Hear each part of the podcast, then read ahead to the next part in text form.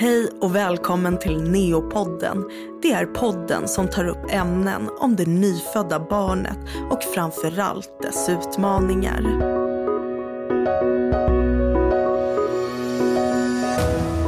Neonatalverksamheten i Stockholm expanderar och vi söker fler kollegor. Så även idag tänkte vi prata om varför du ska jobba på någon av våra neonatalavdelningar. Men med fokus på neonatalavdelningen på Danderyds sjukhus i Stockholm. Så med mig för att prata om sin resa och varför hon trivs med att jobba inom neonatalvården har jag specialistsjuksköterska Sofie Lindblad. Hej Sofie och välkommen till Neopodden. Hej! Hej! Eh, du jobbar ju som sjuksköterska på neonatalmottagningen här på Danderyds sjukhus. Eh, och innan vi går in och pratar om mottagningen så vill ju jag veta hur det kommer sig att du började jobba på neonatalen. Mm. Det är ju en eh, kanske annorlunda historia skulle jag säga. För många blir ju att man kanske har hittat intresset under sjuksköterskeutbildningen man kanske har ett intresse för barn och sen så upptäcker man att det här finns. Men jag är ju faktiskt född och uppväxt på avdelningen. Min mamma är ju neosjuksköterska och har varit det i över 45 år. Så jag är ju born and raised på Danderyds neo kan man säga. Mm. Du blev liksom inslussad tidigt. Tidigt ja, jag tror jag var sex timmar. Mamma visade bild faktiskt igår på när de hade tagit över mig på natten och satt på mig kläder. Eh, och sen så skyfflade tillbaka mig till BB. Så att det, min, min karriär började tidigt på Neo. Mm. Men sen så har jag även varit eh, sommarungdom när jag var 15-16 där någonstans. Och så kom jag tillbaka som undersköterska på sjuksköterskeutbildningen. Vad innebär sommarungdom? Jag vet ju att vi Förr i eh, världen hade vi ju ja. det. Eh, och då var det ju 15-16-åringar som kom från kommunen som hade liksom som det som portionerade ut. Och de hjälpte till med att tvätta kuvöser, eh, gå och handla. Ja, men de fixade all sån här markservice eh, som vi då fick göra själva så att de underlättade. Men då fick man också lite arbetslivserfarenhet. Eh, och så, så fick man se vad det var inom vården. Så mycket sånt gjorde jag. Jag har städat många kuvöser. Du nämnde utbildningen, att mm. vissa kanske fick reda på neonatalvården när de började plugga till sjuksköterska. Eh, jag minns när jag pluggade, då visste inte jag vad det var. Var det så att man gick igenom neonatalvård under din utbildning? Minns du något? Eller var det mer att du, du visste om det just för att du hade en mamma som jobbade här? Mm, alltså jag visste ju om det för att mamma såklart jobbade här. Eh, men jag tror att vi pratade kort om det när vi pratade om obstetriken. Eh, men det var ju väldigt kort inpå. Men jag vet att det var flera andra som var intresserade och några av dem testade neo men sen upptäckte att det inte var deras grej. Eh, men, men några visste om det. Mm. Men det var inte en jättestor del av utbildningen kan jag inte säga.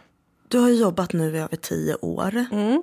Och sen har du ju också varit här av andra anledningar. ja, exakt. Eh, neonatalvården känns ju väldigt progressiv. Mm. Det är mycket som händer. Vad skulle du säga är den största skillnaden från idag till tio år sedan? Oj, gud vad svårt. Alltså det händer ju saker hela tiden. Det är ju det som är eh, om man får säga en av de bästa grejerna med att få jobba inom NEO, det är ju att eh, kommer det forskning idag eh, ut en artikel där det står att det här är bättre för barnen så att imorgon kan vi redan ha det i bruk. Eh, vi behöver liksom inte vänta på att det ska vara någonting. Så att jag tycker hela tiden så händer det grejer och självklart utvecklas vården och vi blir bara bättre och bättre. Men jag tror fokus på familjerna blir ju såklart bara mer och mer. Och speciellt om jag ser hur det var när jag var barn och hängde här på barnsalar eh, när föräldrarna inte var här. Eh, det var väl en konstig grej då, men, men så var det då att det var barnsalar och föräldrarna bodde inte här. Och så, men, det har ju hänt supermycket och fokus är på familjen, hålla ihop dem. Eh, och sen så mitt eh, älsklingsområde, amning och nutrition. Där har det hänt ofantligt mycket. Och just det här på vad barnen klarar av och hur man kan samarbeta utifrån FINE och NIDCAP också som är, är beteendeobservationer och se vad barnen är. Så det har hänt jättemycket, eh, vilket är superkul. Men det är just det här, jag tror det största är det här med att eh, om ny forskning kommer så är vi så snabba på bollen. Vi behöver inte vänta så himla mycket. Mm. Det tycker jag är häftigt. Och du sa också det här vad barnen klarar av och mm. lite beteendeobservationer och så. Och jag tänker ju att vi har ju också blivit bättre på att rädda barn. Mm. Eh, och då händer det ju väldigt mycket där. Så här, vad de ska äta, hur mycket mm. kan de äta. Och du, du är ju lite proffs på det här med amning och eh, bröstmjölk. Jag hoppas att jag blir snart i alla snart. fall. Men jag är väl på god väg. Ja, men kan du inte berätta lite om det? Kan du inte berätta lite om vad, eh, vad barnen äter mm. och hur de äter. Men också vad din, vad din utbildning, alltså vad den består av. Mm. Eh, jag kanske ska börja i den änden. Jag har ju eh, inte bara att jag jobbar mottagning utan jag har ju även en biträdande universitetssjukskötersketjänst på 20 procent. Eh, och där mitt specialområde är just amning och nutrition där jag är med och utvecklar och jobbar både verksamhetsövergripande men även lokalt på Danderyd. Eh, och i det så har jag en, en, specialutbildning inom amning. Jag har gått en specifik amningskurs, jag har gått en handledningskurs eh, och nu håller jag på och läser för att bli eh, laktationskonsult och ska internationellt certifiera mig som laktationskonsult. Så efter det kanske jag kan få säga att jag är amningsexpert. Kanske, jag vet inte riktigt. Eh, men jag är bra på det i alla fall. Eh, men vad barnen äter, det är ju upp till föräldrarna skulle jag säga. Alltså enligt eh, både WHO och vad vi har tagit ställning till så är det ju amning och bröstmjölk vi ska förespråka. Men nu lever vi i en tid där det inte är så att alla vill ge sin bröstmjölk och det är ju föräldrarna som bestämmer, det är aldrig vi som bestämmer.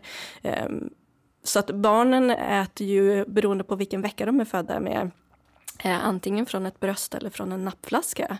I alla fall när de blir utskrivna.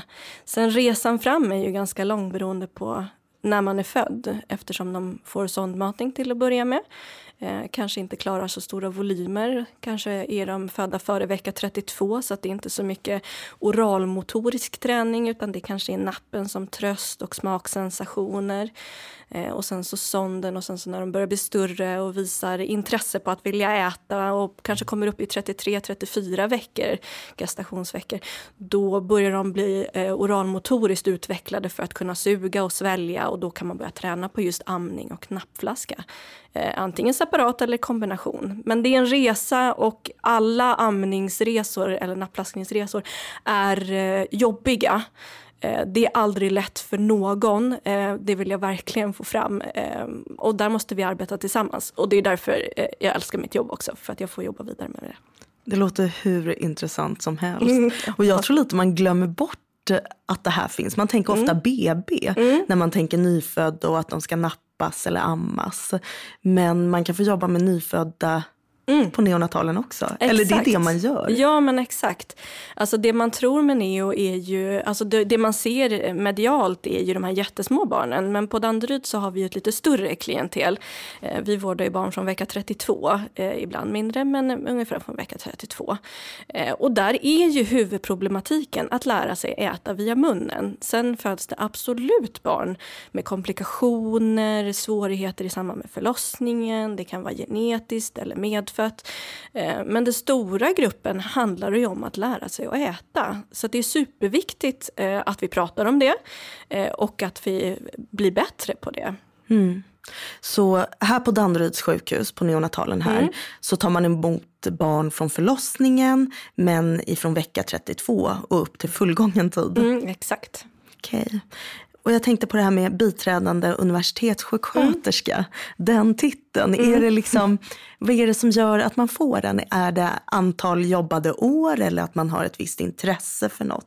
Det är ju en kombination av allting. Det här, eh, inom Karolinska har vi ju en steg eh, kompetenssteg heter det, eh, för sjuksköterskor och även andra arbetskategorier för att se hur vi kan utvecklas i vår kompetens och hur vi kan klättra lite i karriären. Sjuksköterska har ju inte så många valmöjligheter men eh, på Karolinska har vi lite olika steg. Så att få söka en sån här steg 5-tjänst som är en biträdande universitetssjukskötersketjänst, jättejobbigt ord att säga, eh, så behöver man ha en specialkompetens Eh, och då måste man ha en utbildning om det. Man behöver ha en handledarutbildning. Man ska ha jobbat minst fem år eh, och då räknar man fem år 100 procent. Sen kommer man på arbetsintervju eh, och sen så får man ett godkännande av verksamheten. Och sen så ska man även skicka in allt det här med alla intyg till en stor kommitté i, för Karolinska som sen fattar beslut om jag får tjänsten eller inte. Så det är ganska omfattande. Men då finns det i alla fall möjligheter att göra, sig lite, eller göra en karriär. Oh ja. Och jag oh ja. tänker då, får man då en sån här tjänst på 20 procent Mm. så finns det säkert också massa olika områden. Du har valt amning. Mm, exakt. Men sen så kan man säkert både ha, Det finns ju patientsäkerhet, eh, vi har ju en verksamhetsövergripande i dokumentation, vi har eh, inom utbildning, vi har, nu kan jag inte alla per automatik, vi har väl familjecentrerad vård, eh, inte NIDCAP men den heter hudnära vård kanske, eller hud mot hud. Eh, men vi har några stycken inom de här stora eh, omvårdnadsområdena, eh, patientsäkerhet om jag inte sa det också.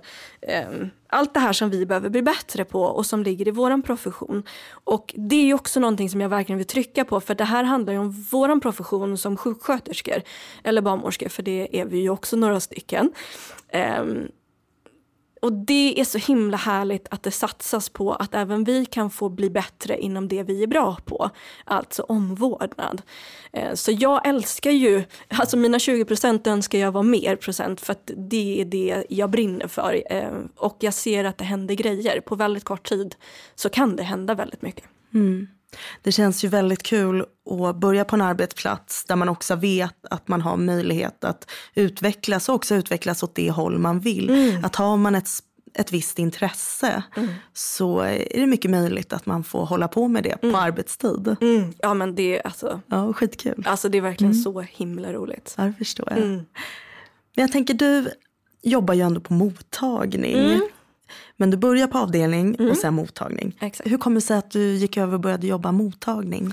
Ja, men alltså det var så himla trivialt så att jag fick en bebis. Ja, Det var inte så. du behövde alltså. andra tider. Jag behövde andra tider och han behövde sin förälder. Ja. Mm. Och då är det också himla, vad ska man säga, schysst kan man säga så. Mm. Att det faktiskt går, alltså det finns ju många delar man kan jobba med här. Det finns jättemånga delar. Nu hade jag väl kanske lite flax också, att det var någon som gick i pension. Eh, mottagningstjänsterna är ju inte så många, men i hemsjukvården har vi ju en hel del. Och eh, nu hoppas vi ju att verksamheten ska expandera och då kommer det även expandera eh, inom vår del.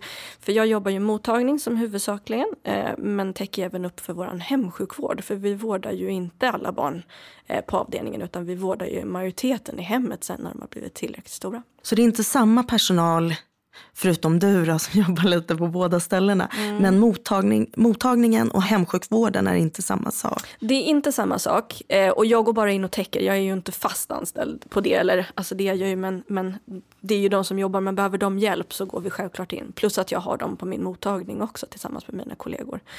Men på mottagningen så träffar vi eh, här på Danderyd har vi standarduppföljningsprogrammet där vi träffar barn vid tre månader korrigerad och sen så ett år korrigerad.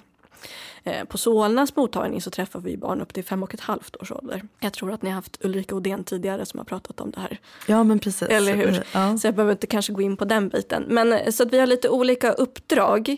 Eh, men på våran mottagning har vi också ett extremt flöde av eh, patienter med gulsot, matningsproblematik, eh, vecka 35 som har vårdats på BB för att de är för stora för neo men kanske lite små på BB. Eh, då handlar de hos oss eh, och får hjälp med mat och amning och tillmatning. Så att, ehm, jag har ett väldigt varierat jobb. Det är väldigt stor variation i det jag gör. Eh, men alla mottagningar ser inte likadana ut. Beskriv en arbetsdag då. Mm. Eh, ja, men som idag till exempel så eh, började dagen med lite återbesök. Eh, jag träffade en bebis som jag har följt ett par gånger som har gulsot. Det är ju vår vanligaste patientkategori, de som få vet om att det är en så himla stor procent som faktiskt har gulsot. Och sen så hade jag lite administrativt jobb som man har också. Ehm, men oftast så är det ju de besöken och sen så klämmer jag lite in administrativt. Idag till exempel är det torsdag, det är vår teambesöksdag. Det är alltså våra återbesök för eh, uppföljningsprogrammet. Så i eftermiddag är det fyra stycken patienter som får träffa en neonatolog, eh, en specialistsjuksköterska och en fysioterapeut. Eh, och leka lite beroende på vilken ålderskategori de befinner sig i. Sen är det jättemycket rådgivning, det är att prata med BVC, det handlar om att rodda i schemat, ha koll på alla läkare, vem som är vart och när det är bortfall och liknande. Eh, det kanske man inte tror men det är fruktansvärt mycket administrativt när man jobbar på mottagning. Jag har ju dessutom specialuppdraget på Danderyd att jag är take care-ansvarig så att jag har mycket av de arbetsuppgifterna också.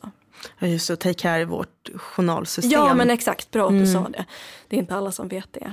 Men jag visste faktiskt inte att ni även träffar barn från BB. Mm.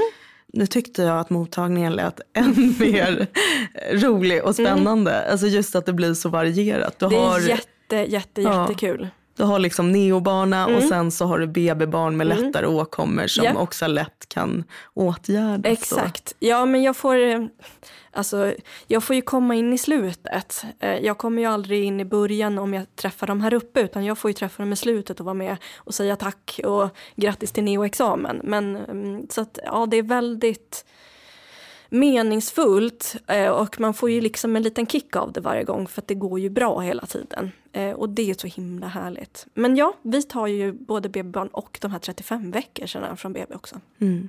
Så om man skulle jobba här på neonatalen Danderyd mm. eh, då finns möjligheten att liksom både jobba på avdelning mm. men man kan också söka sig till mottagningen så mm. småningom mm. eller hemsjukvården. Absolut. Så att här kan man ju vara kvar länge. Mm. Att orkar man inte liksom tre skift Nej. eller att någonting händer i livet mm. som gör att man vill jobba måndag till fredag mm. så finns den möjligheten också. Mm. Om tjänster finns så finns det absolut möjligheten. Eh, och det är det som är så himla härligt kan jag tycka och att det finns möjligheten till varierat. Och det finns ju möjligheten till varierat på avdelningen också. Att det är eh, olika delar av ens karriär är man intresserad av olika saker. Eh, I början när man börjar på neo så kanske man lockas lite av att det är just en akutvårdsavdelning ihop med en eh, akutmottagning, vilket det är att eh, träffa bebisar som föds som mår dåligt, ihop med att vi kör full intensivvård, även fast inte vi har hela intensivvården här, men vi startar ju alltid all intensivvård och sen transporterar. Um, till intermediärvården där det är lite mittemellan-sjuka barn med kanske behöver lite andningsstöd eller sockerkontroller eller dropp. Eh, till familjevården där vi tränar amning, vi tränar nappningsteknik, vi fostrar föräldrar att bli härliga och starka individer som ska sköta allting själva till att få slussa iväg dem. Nej men alltså det är verkligen, ja, nej men det är verkligen hela, alltså all typ av vård på ett och samma ställe liksom. Mm. Det måste ju också vara väldigt eh, givande som personal att få följa en familj. Mm. Alltså från det att de blir föräldrar och kanske blir föräldrar lite för tidigt mm. och så kommer man ner där på förlossningen, mm. hämtar upp dem, säger nej, nej, ni ska med oss, mm. ni ska inte till BB liksom. Nej, och så upp hit och så liksom kanske de börjar på en vårdsal för mm. sedan hamna på familjerum mm och så småningom åka hem och sen mm. komma tillbaka till mottagningen. Ja, och det måste jag verkligen säga. Jag har ju lite svårt att slita mig från avdelningsjobbet ska jag ju säga, så jag jobbar ju extra också. Um, och det är ju mina bästa stunder, antingen när jag går ner och gör mina nutritionssamtal uh, för att lära ut till personalen uh, i min roll som uh, amnings amnings och nutritionsutvecklare tycker jag är lättare att säga, det får jag inte säga, men det gör jag i alla fall. Um, um, så är det så himla härligt sen när jag kommer till mottagningen och de ser bakom munskyddet att, att de redan har träffat mig. Och då är det också så himla mysigt för jag får liksom se frukten av det som har hänt. Så att ja, det är fantastiskt. Och, eller att få gå på stå och se ett barn som mår jättedåligt och sen så kommer den i vårt uppföljningsprogram och jag får träffa den vid full term, jag får träffa den vid tre månader, jag får träffa den vid ett år och vid ett år får jag säga nu har du fått okej-stämpeln i rumpan, nu ses vi inte mer. Mm. Eh, och det är så himla fint. Mm. Mm. Ja, och eh, alltså som jag ofta brukar säga till personer som ska börja jobba inom vården, mm. det som är så bra med NEO, det är ju att alltså, så här kanske man inte får säga, för man ska ju bara säga häng kvar hos oss. Ja. Men jag tänker också så här, vet man inte riktigt, kan man börja här? Mm. Och det är en sån jävla bra väg till både liksom om man vill bli barnmorska, mm.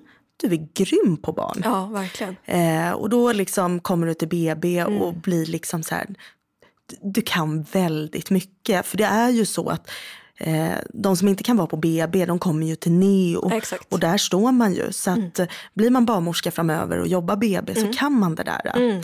Eh, och man kan också det här första, liksom att få igång barnen mm. precis när de kommer mm. ut och liksom fötts fram.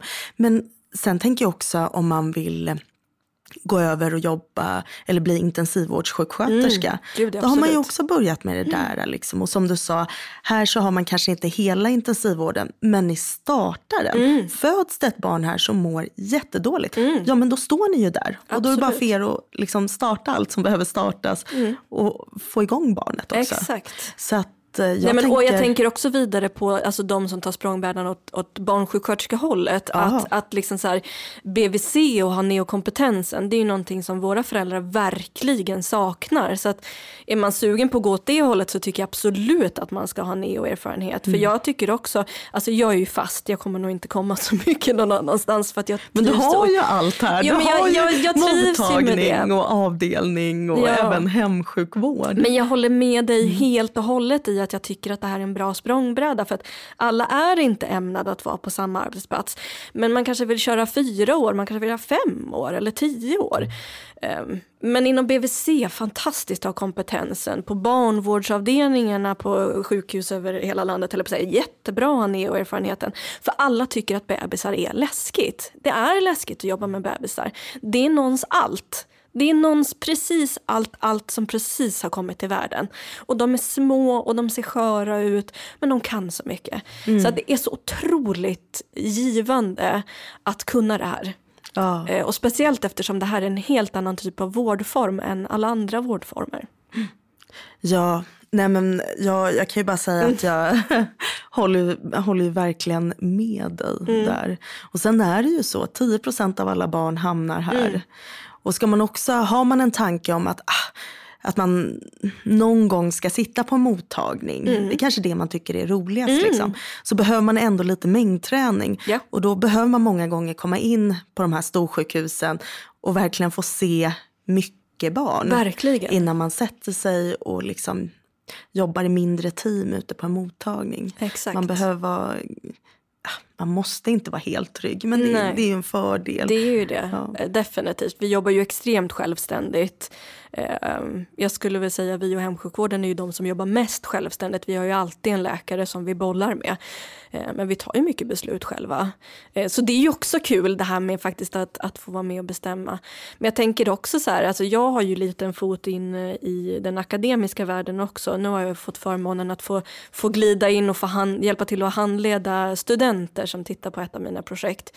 Eh, och jag menar den världen finns ju också. Där är ju Neo superduktiga på att faktiskt förespråka. Och nu tycker jag vi lyfter än mer sjuksköterskor och barnmorskor som vill doktorera och ta sig vidare. Så att jag menar, det är ju fantastisk verksamhet för att man lyfts. Eh, och jag tänker jag kommer tillbaka till det jag sa i början, att jag tycker att det häftiga här är att eh, man kommer på någonting och sen så forskar man på det och så kommer artikeln ut eh, och det blir liksom verifierat och sen sätts det i bruk. Men det betyder ju också att jag kan göra det. Mm. Den, den känns inte så stor det steget. Så att även fast jag är så här, jag kan inte börja doktorera nu, det går inte. Men, men språnget är inte lika stort liksom. Eh, och det tycker jag är häftigt. Mm. Ja, alltså neonatalverksamheten i Stockholm mm. är ju progressiv på så mm. många sätt. Verkligen.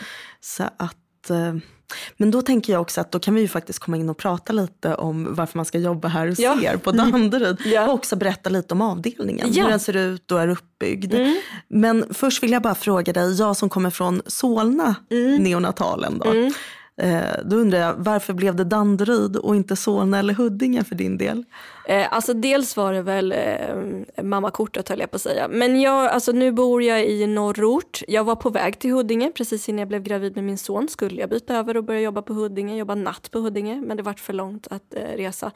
Eh, nej men jag skulle säga att det är en slump. Idag är det ju för att jag kanske gillar att att eh, jobba med de större barnen och just amningen och nutritionen gör att jag är kvar. Hade jag varit mer intresserad av intensivvården hade jag absolut sökt mig över till Solna.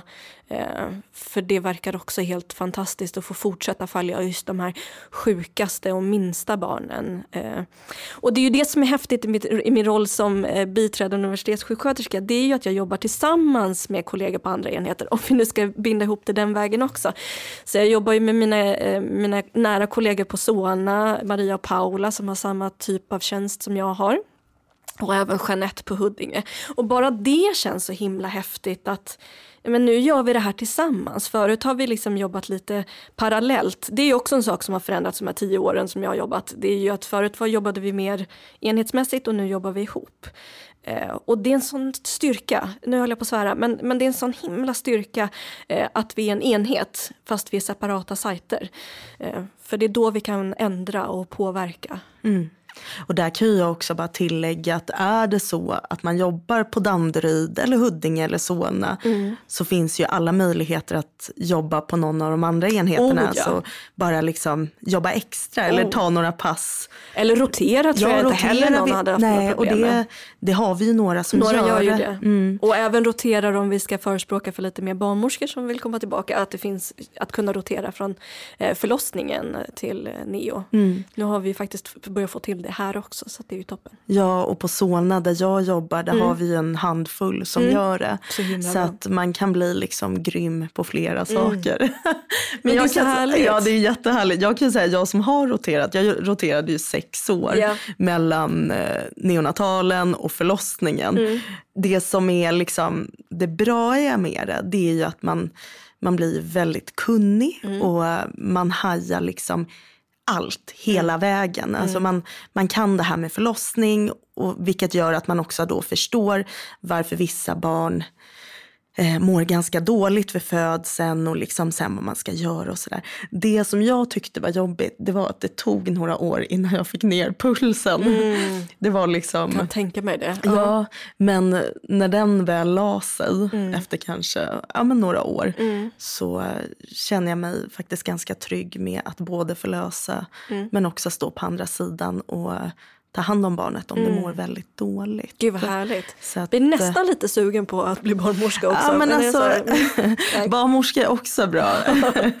men som sagt man kan ju vara barnmorska på neo, det går alldeles utmärkt. Ja, alldeles och framförallt om man har liksom eh, det här just det här matning, alltså nutrition och mm. amning mm. som ett intresse. Mm. Eh, så och man behöver väldigt. inte ha det som intresse. Eh, man kan ha andra saker som intresse här också.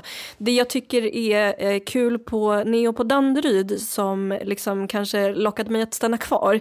Det är ju att vi har extremt mycket förlossningar. Ehm, och i början av sin karriär så var i alla fall jag väldigt intresserad av akutsjukvården. Eh, och det blir ju den som blir representerad i att det är många förlossningar, det är många bebisar som föds med olika typer av problem där de behöver vår hjälp. Ehm, och det tycker jag är fint. Eh, men sen så gick åren och sen så får man ner pulsen och sen så inser man att nästa steg är också kul och liksom kunna hela den här intensivvårdsbiten, att förstå verkligen vad händer i kroppen när man gör de här inställningarna på respiratorn, hur tolkar jag det på blodgasen och så blir man nischad inom det och mm. tycker att det är intressant. Eh, och sen så kanske man går vidare som jag då och tycker att amning och nutrition är jättespännande och kunna få se det i hela förloppet. Och på Danderyd har vi sånt stort, stort, stort flöde att man får väldigt mycket träning på kort tid, om man får säga så. Men vi får också träffa så fruktansvärt mycket föräldrar. Eh, så att vi blir bra på föräldrastödet och får liksom hela den biten. Så jag, nej men jag tycker Danderyd är toppen. Eh. Ni är ju otroligt duktiga på samvård. Mm. Alltså att vårda hela familjen mm. ute i samvårdsrum. Mm.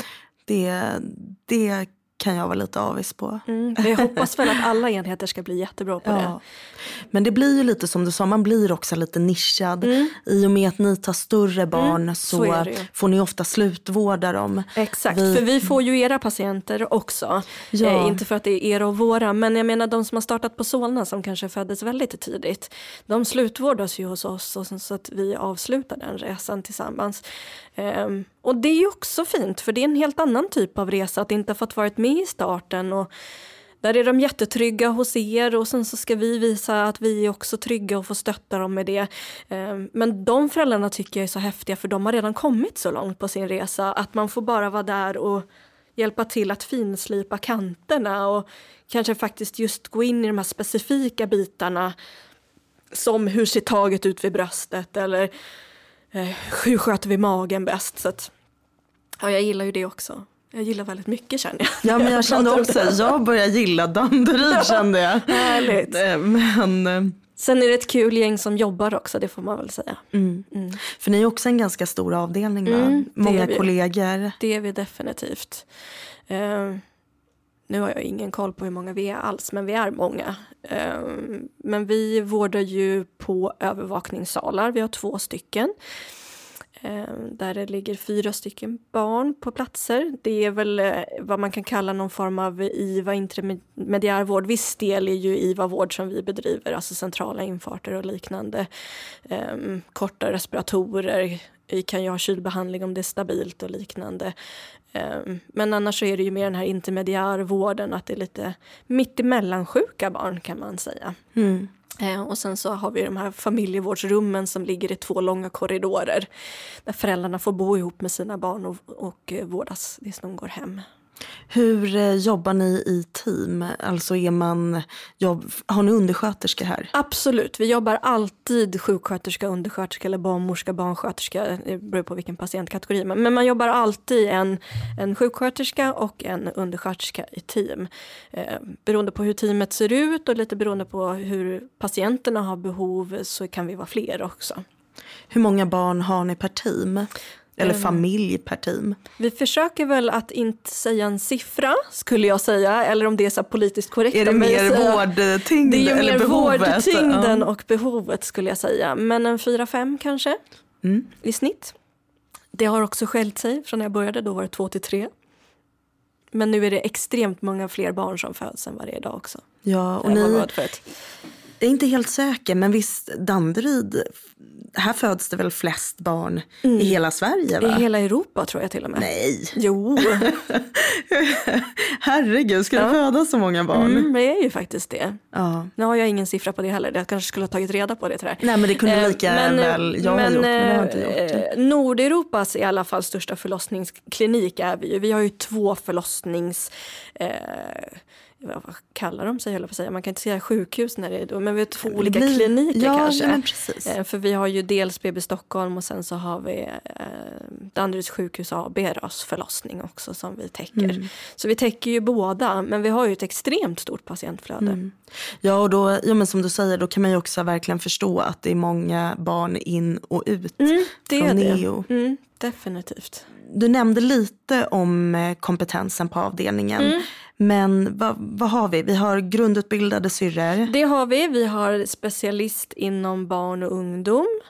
Eh, Just nu tror jag inte att vi har någon Jo, det har vi visst det. Nu höll jag på att ljuga och nu höll jag på, på en, en, eh, en törn av kollegor. Eh, Vi har IVA-sjuksköterskor också, har vi absolut.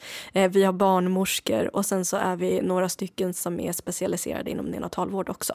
Som är barnsjuksköterskor med en specialisering på neonatalvård. Tyvärr finns inte den utbildningen längre, men den var fantastisk. Eh, Däremot så kan jag ju varmt rekommendera nya neoutbildningen för den ska ju motsvara det. Det finns ju en, en 15 poängskurs eh, som är precis nystartad som ska vara fantastisk. 15 eller 7,5. Och vilka får gå den? Kan vem som helst söka till den bara man är syrra i botten? Eh, ja, det är ju en helt vanlig KI-utbildning så det går absolut att söka. Eh, sen försöker de väl ta in en del ifrån oss också.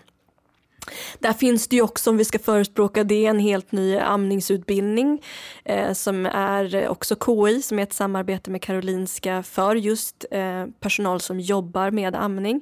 Eh, där vi faktiskt kvoteras in på en viss procent, för det är bara eh, inom verksamheten som får gå den. Sen är det andra verksamheter som BVC och liknande som också kvoteras in och har vissa platser. Så det kan jag säga för er som jobbar inom NEO och vill bli bättre på amning och nutrition så är den också toppen. Mm. Den går två gånger per år. Vi har ju pratat lite om fördelarna med att bli väldigt duktig på små barn. Mm. Men kan du komma på några fler? Jag tänker så här, om man är ny, eller man är sjuksyrra, man Mm. vill byta jobb eller man kanske är nyexad. alltså, vad är det bra med neo? Det kanske, det kanske vi redan har pratat om.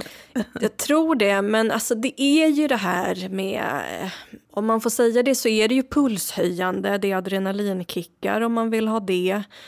Eh, det är, alltså det som är så fantastiskt med vårt jobb är ju att det nästan i alla fall så går det bra. Det är ju inte så ofta man tittar procentuellt, även fast vi jobbar på olika enheter och olika professioner. Eh, så det är klart att det finns en obalans mellan våra enheter, men det är ju inte så ofta som det går eh, jättedåligt, utan bebisar är ju duktiga på att återhämta sig och kompensera för det som kanske har blivit svårt. Eh, det ser vi i uppföljningsprogrammet också, att även fast man har svårigheter med någonting så har de kunnat kompensera upp det på något sätt och sen så får de stöd och hjälp utifrån olika så det blir nästan Rätt. lite en tacksam vård. Ja, jag men jag tycker inte, det. Om man vet. får säga det så ja. tycker jag att det är fint liksom att se. Det är inte som att jobba med äldre där man kanske skickar hem någon som kommer fortsätta vara kroniskt sjuk.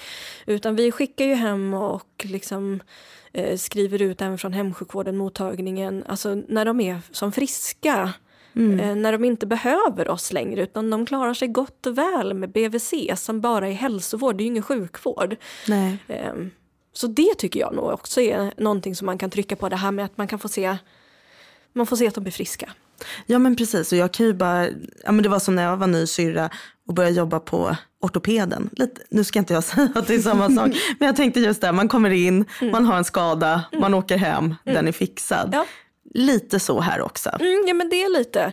Sen, sen vill jag verkligen säga att vi tror inte att vi fixar allting. Vi vet mycket väl att ja. det finns. Nej, men, eh, alltså så här, mm. det, det, är jättejobbigt för er som är föräldrar till prematurfödda barn eller fullgångna som, som har haft det komplicerat där det är problematiskt sen efteråt. Nu hoppas jag innerligt att vi stöttar er väl annars så får ni höra ja, av er. Ja men verkligen. Eh, men, men det är jättefint för i det stora hela så mår de flesta bra. Ja och där kan jag också lägga till att de barnen träffar ju mer jag på ja, Solna. Exakt. Men här på Danderyd så är det från vecka 32. Mm. Och sen är det ju såklart att ett barn kan ju födas med ett syndrom ja. och må ganska bra. Och det blir ju... Visst, det var inte som man tänkte. Nej. Men men de allra flesta gånger så kommer man hit mm. och så åker barnen härifrån. Är lite tjockare, mm. mår lite bättre. Och lite tryggare föräldrar. Ja, absolut. Som vågar. Och jag vill ju verkligen slå ett slag för det också. För vi har ju föräldrar som blir väldigt härligt kaxiga sen för resten av vårdtiden. För att det är ju liksom en, en förälder som har vårdat barn på neo är ju så himla bra på att veta på sin magkänsla. Och det är också kul som sjuksköterska att kunna se att man har kunnat påverka. Att man man har trygga föräldrar som är så här, nej men det är fel. Eh, mitt barn har ont i magen, det är inte konstigt, söker vård och kräver vård. Eh, det tycker jag också är häftigt. Mm. Ja, de blir trygga de och väldigt duktiga. Ja. Mm och bra på att läsa sina barn och de blir medvetna föräldrar. Alltså om man tittar samhällsmässigt också, det blir medvetna föräldrar, det blir föräldrar som gör medvetna val för eh, ja, men skola och förskola. De är ute mycket för det är nyttigt att vara ute för att man blir mindre sjuk ut. Jag menar, alltså det, det är ett helt annat tänk, vilket också ligger lite i ropet för föräldrarollen just nu. Mm. Det var liksom en tuff start. Mm. Men när man har kommit förbi det så blir man ofta lite mer trygg som förälder. Mm, jag hoppas det i alla fall. Ja, jag men jag med. Det. Jag ja. hoppas också. Mm. men du, om man nu skulle söka sig till er här på Danderyd. Mm. Eh, vilka egenskaper tycker du man ska ha? Eh, jag tycker att man ska vara drivande. Det tycker jag är viktigt. Eh, man ska vara nyfiken. Eh, man ska absolut inte vara rädd för att fråga. Eh, och man ska gilla att det händer saker på kort tid. Eh, har man problem med, eh, med stress så kanske det inte riktigt är rätt arbetsmiljö från början för man ska ju kunna allt. Eh, men man kanske kan lära sig att hantera det också. Men man måste nog vara lite stresstålig för att klara av det här. För det är ett tufft jobb och ibland är det tufft att stå i timmar eh, utan att äta och utan att kissa eh, för att försöka se till att det blir så bra som möjligt för just den patienten man vårdar. Eh, så, så, så drivande, framåt, eh, våga fråga och ta plats är väl en bra grej också. Mm. Mm. Så en sista fråga. Mm. Varför ska man söka sig hit? För att det är så himla kul. Jag höll på att säga jävla kul, men gjorde det. Ja, det är skitkul. Nej, men det är ett fruktansvärt roligt jobb. Ehm, det är så himla varierat och precis som vi har avhandlat under den här tiden, det är, det är liksom allt i alla arbetskategorier, det är all typ av vård och är man sen intresserad av forskning finns de möjligheterna, är man intresserad av ledarskap finns de möjligheterna. Så att, eh, ja, gillar man att podda så finns de. Nej, men jag menar, nej, men jag menar um, är, på den biten tycker jag att det är högt i tak. Mm.